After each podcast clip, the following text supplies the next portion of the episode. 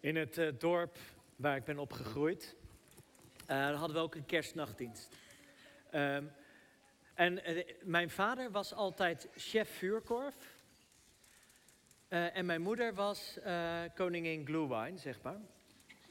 En dus al een dag van tevoren rook je de geur van zo'n sinaasappel met kruidnagelen in wijn, hele recepten en dingen.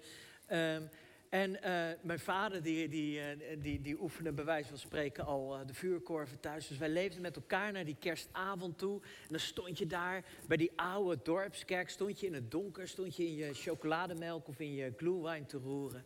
En daarna, aan het einde, dan gingen de vuurkorven uit. Werd thuis de open haard aangestoken. En dan kwam mijn moeder met die pan glühwein, want die moest weer terug. En dat moest toch nog op aan. En dan hadden we kerstavond met elkaar. Um, ik ben wel een avondmens. U? bent u een, uh, een. Laten we het zo zeggen. Oh, uh, eventjes nog. Ik zal mijn telefoon hier neerleggen, dus uh, dan word ik iets minder gestoord. Uh, bent u een, een, een kerstavondmens of bent u een kerstochtendmens? In de avond, hè, dan lezen we altijd over de herders. Over de stal, over het hemels gezang in het veld. En over hoe een klein kindje geboren wordt. Dat heeft iets knus, iets familie, familie lekker gezellig bij elkaar gevoel. En dan s ochtends breekt het licht door. En Johannes breekt dan door. Want we lezen op kerstochtend in de meeste kerken ter wereld wordt dan Johannes 1 gelezen. En dat is het kosmische verhaal van hoe God de aarde maakte, zijn woord alles tot leven riep en dat dat woord onder ons heeft gewoond, het ware licht was, kosmisch en groot. Bent u een kerstavondmens of bent u meer een kerstochtendmens? Dat kosmische, dat grote. Kunnen we even een polletje houden? Wie is er een kerstavondmens? En wie is er een kerstochtendmens? Aardig 50-50, hè? U raadt het al een beetje, ik ben een kerstavondmens. Want zodra die grote woorden beginnen, voel ik me als een klein kind dat beter weet om te gaan met het pakpapier dan met het cadeau wat in de ochtend uitgepakt wordt. Daar in de stal voel ik me thuis, daar kan ik mee omgaan. Maar het lijkt alsof ik bij Johannes geen voet aan de grond krijg. Zo groot is die theologische taal. Alsof het groter is dan mij, mij overstemt, mijn werkelijkheid geen recht kan doen. Het vervliegt en ik, ik twijfel en ik kruip terug naar de stal. Want daar kan ik het kerstkind vasthouden. Daar kan ik zijn, babygeur opsnuiven, daar kan ik mens zijn. Want ik wantrouw, en nu misschien wel met mij avondmensen, de, de grootheid.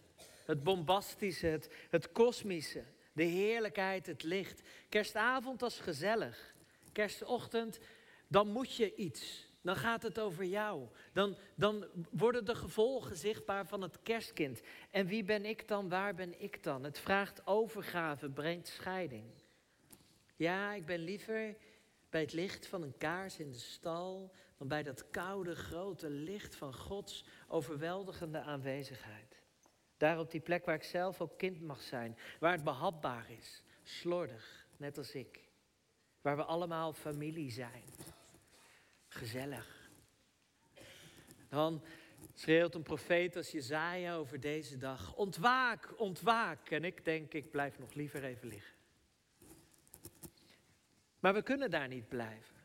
We kunnen niet blijven bij, bij kerstavond, bij het verhaal, maar we moeten ook naar de toepassing toe. Wat betekent dit nu? Wat is er gebeurd in de nacht waar nu het licht overschijnt? Want hoe zeer ik het duister in deze wereld ook lief heb, alles wat onaf is, alles wat, wat echt is, wat stoffelijk is.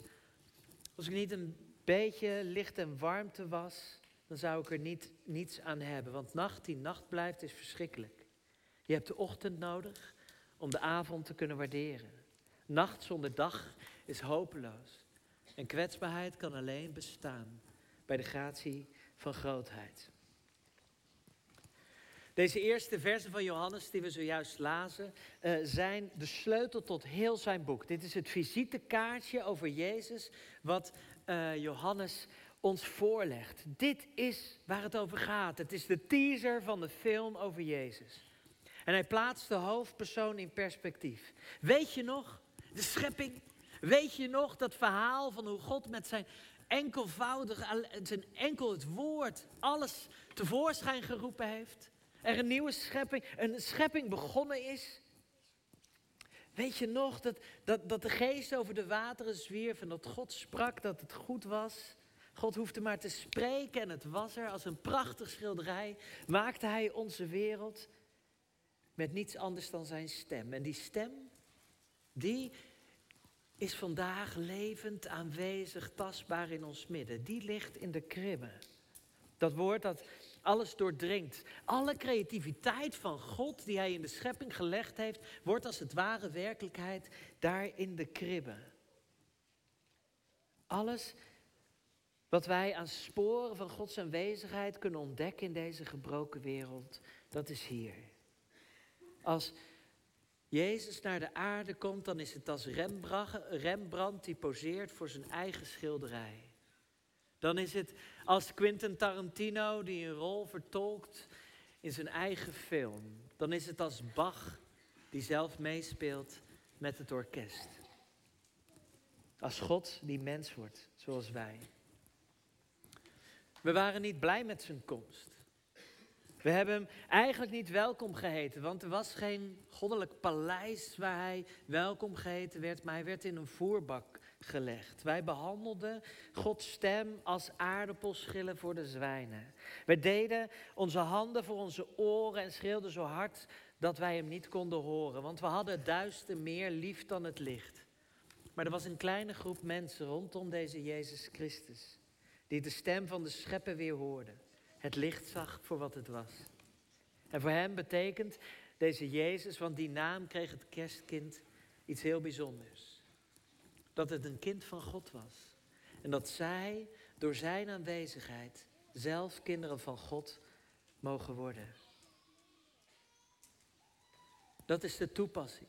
Johannes begint groot en werkt als het ware toe naar dat moment dat wij kinderen van God mogen worden. Het voorrecht om kinderen van God te mogen worden. Wat betekent dat?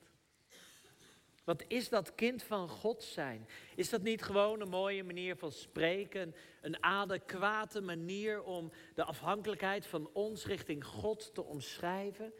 Niets meer dan dat, maar stel nu dat het echt zo is.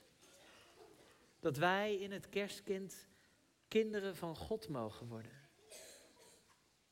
Dat u, dat jij, dat ik kinderen van God zijn of kunnen worden. Dat er iets anders waar wordt in onze levens dan onze eigen afkomst, onze eigen naam.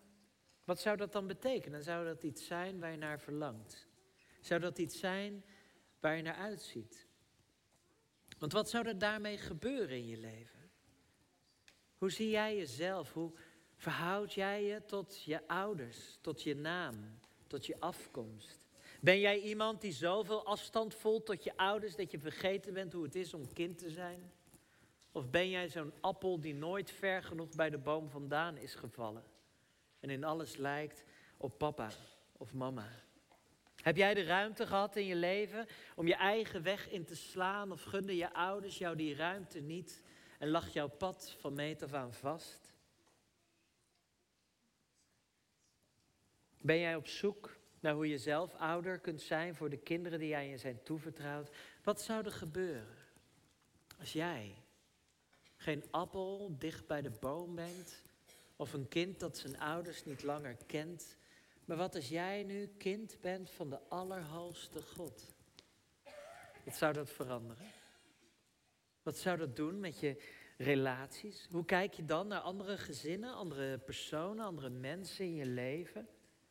In hoeverre wordt je relatie tot je medemens bepaald door je afkomst? Kijk je neer op de ander? Kijk je op naar de ander? Wie durf je als gelijke te zien? En hoe kom je erachter wie een ander is? Wat zou er gebeuren als zij broers of zussen van je zouden zijn? U, jij, ik, wij, kinderen van God. Ik weet niet hoe het voor u voelt, maar ik vind de gedachte zo gek nog niet. God als vader in, erkennen in ons leven geeft ons ruimte. Om onze eigen weg met Hem te gaan. Geeft ons ruimte. Maar maakt ook dat wij ons vertrouwd voelen. Thuis, innig geliefd. Hij geeft ons een voorbeeld van hoe het vaderschap eruit zou mogen zien. Het moederschap eruit zou mogen zien. Het biedt ons een liefde die wij misschien wel gemist hebben. En stelt ons in staat om iemand van welke afkomst dan ook als een gelijke te ontmoeten, omdat zij potentieel ook kind van de Allerhoogste God zijn. En dan weet ik ineens weer waarom ik kerstavond zo prettig vind. Omdat het mijn vader is die chef vuurkorf is. En mijn moeder koningin Glühwein. Omdat ik een warme familie om me heen heb. Op wie ik altijd terug kan vallen. Omdat ik een lieve partner heb. En kinderen die van mij houden en van wie ik hou. Omdat ik voldoende ruimte heb om te eten, mezelf te kleden, zelf te besluiten wat ik doe, leuke dingen te gaan doen. Omdat ik wel zeg dat ik al die menselijke rommel en de nacht zo lief heb, maar dat ik ten diepste eigenlijk niet weet hoe die nacht eruit ziet. Want die pijn van deze wereld is zelden voor mij. Ik sta in het licht. Ik ben niet net mijn volledige familie kwijtgeraakt door een bombardement op Gaza-stad. Ik leef niet al generaties lang in angst voor de aanvallen van Hamas. Het is niet mijn huis dat instortte of overspoelde door natuurgeweld. Ik bivakkeer niet bij een overvol ter Apel. Ik leef niet dagelijks in de angst dat die oom of die vader weer naar mijn slaapkamer zal moeten komen. Ik trek geen rood kant aan om het te laten nemen door mannen die niet de mijne zijn. Ik ben een kind van het licht, niet van de nacht. Ik leef niet in eenzaamheid doordat de maatschappij mijn soort niet moet. Ik heb niet mijn armen vol zitten met de littekens van mijn ziel. Ik hoef niet dagelijks te leven met de wetenschap dat ik niet terug kan draaien wat het ene rotmoment in mijn leven teweeg heeft gebracht. Ik leef niet met een zwaard van Damocles boven mijn hoofd, van een ziekte die mijn lijf niet aan kan en de dood die mij voortdurend in de ogen kijkt. Ik zal niet sterven omdat mijn lijf zich langzaam kapot kankert. Ik ben een kind van het licht. Ik ben niet die ander. Ik word niet geboren als een vermeende bastaard in een stal ver van huis. Voor mij is het licht van de avond misschien genoeg. Want ik heb geen nieuw gezin nodig, geen nieuwe familie. Die voor mij zijn prima. Chef Vuurkorf, koningin Glühwein. Ik ben geen kind van de nacht, ik ben een kind van de dag.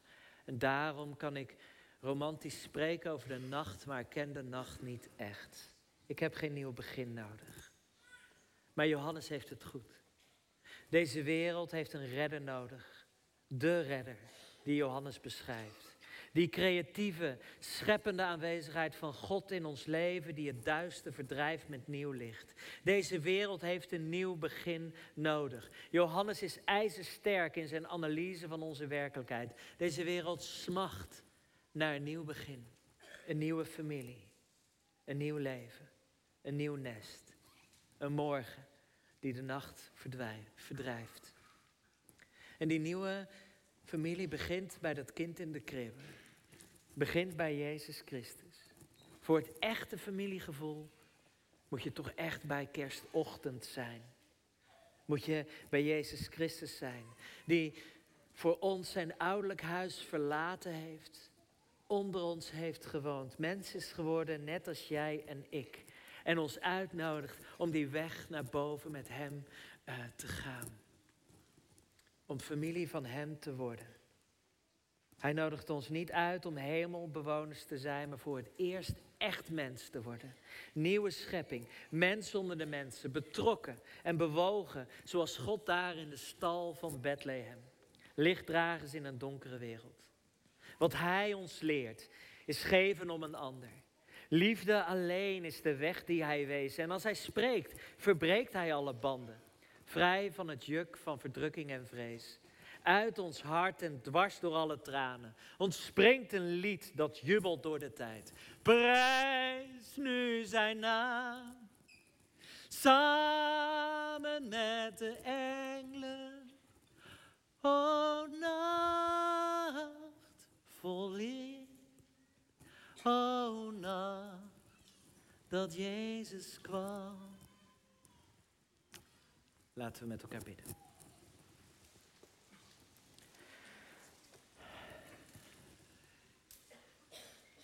Vader, u laat de nacht nooit regeren over het licht. Zelfs het kleinste kaarsje is genoeg om het duister te verdrijven. En we bidden u, kom met uw licht. Kom met uw kwetsbare, goede aanwezigheid. En doe ons beseffen dat wij ten diepste uw kinderen zijn. Dat het bij u begint. Dat u ons hart zo kent omdat u ons gemaakt heeft en dat u ons wil herscheppen dag na dag na dag. Wees het licht in onze nacht. Amen.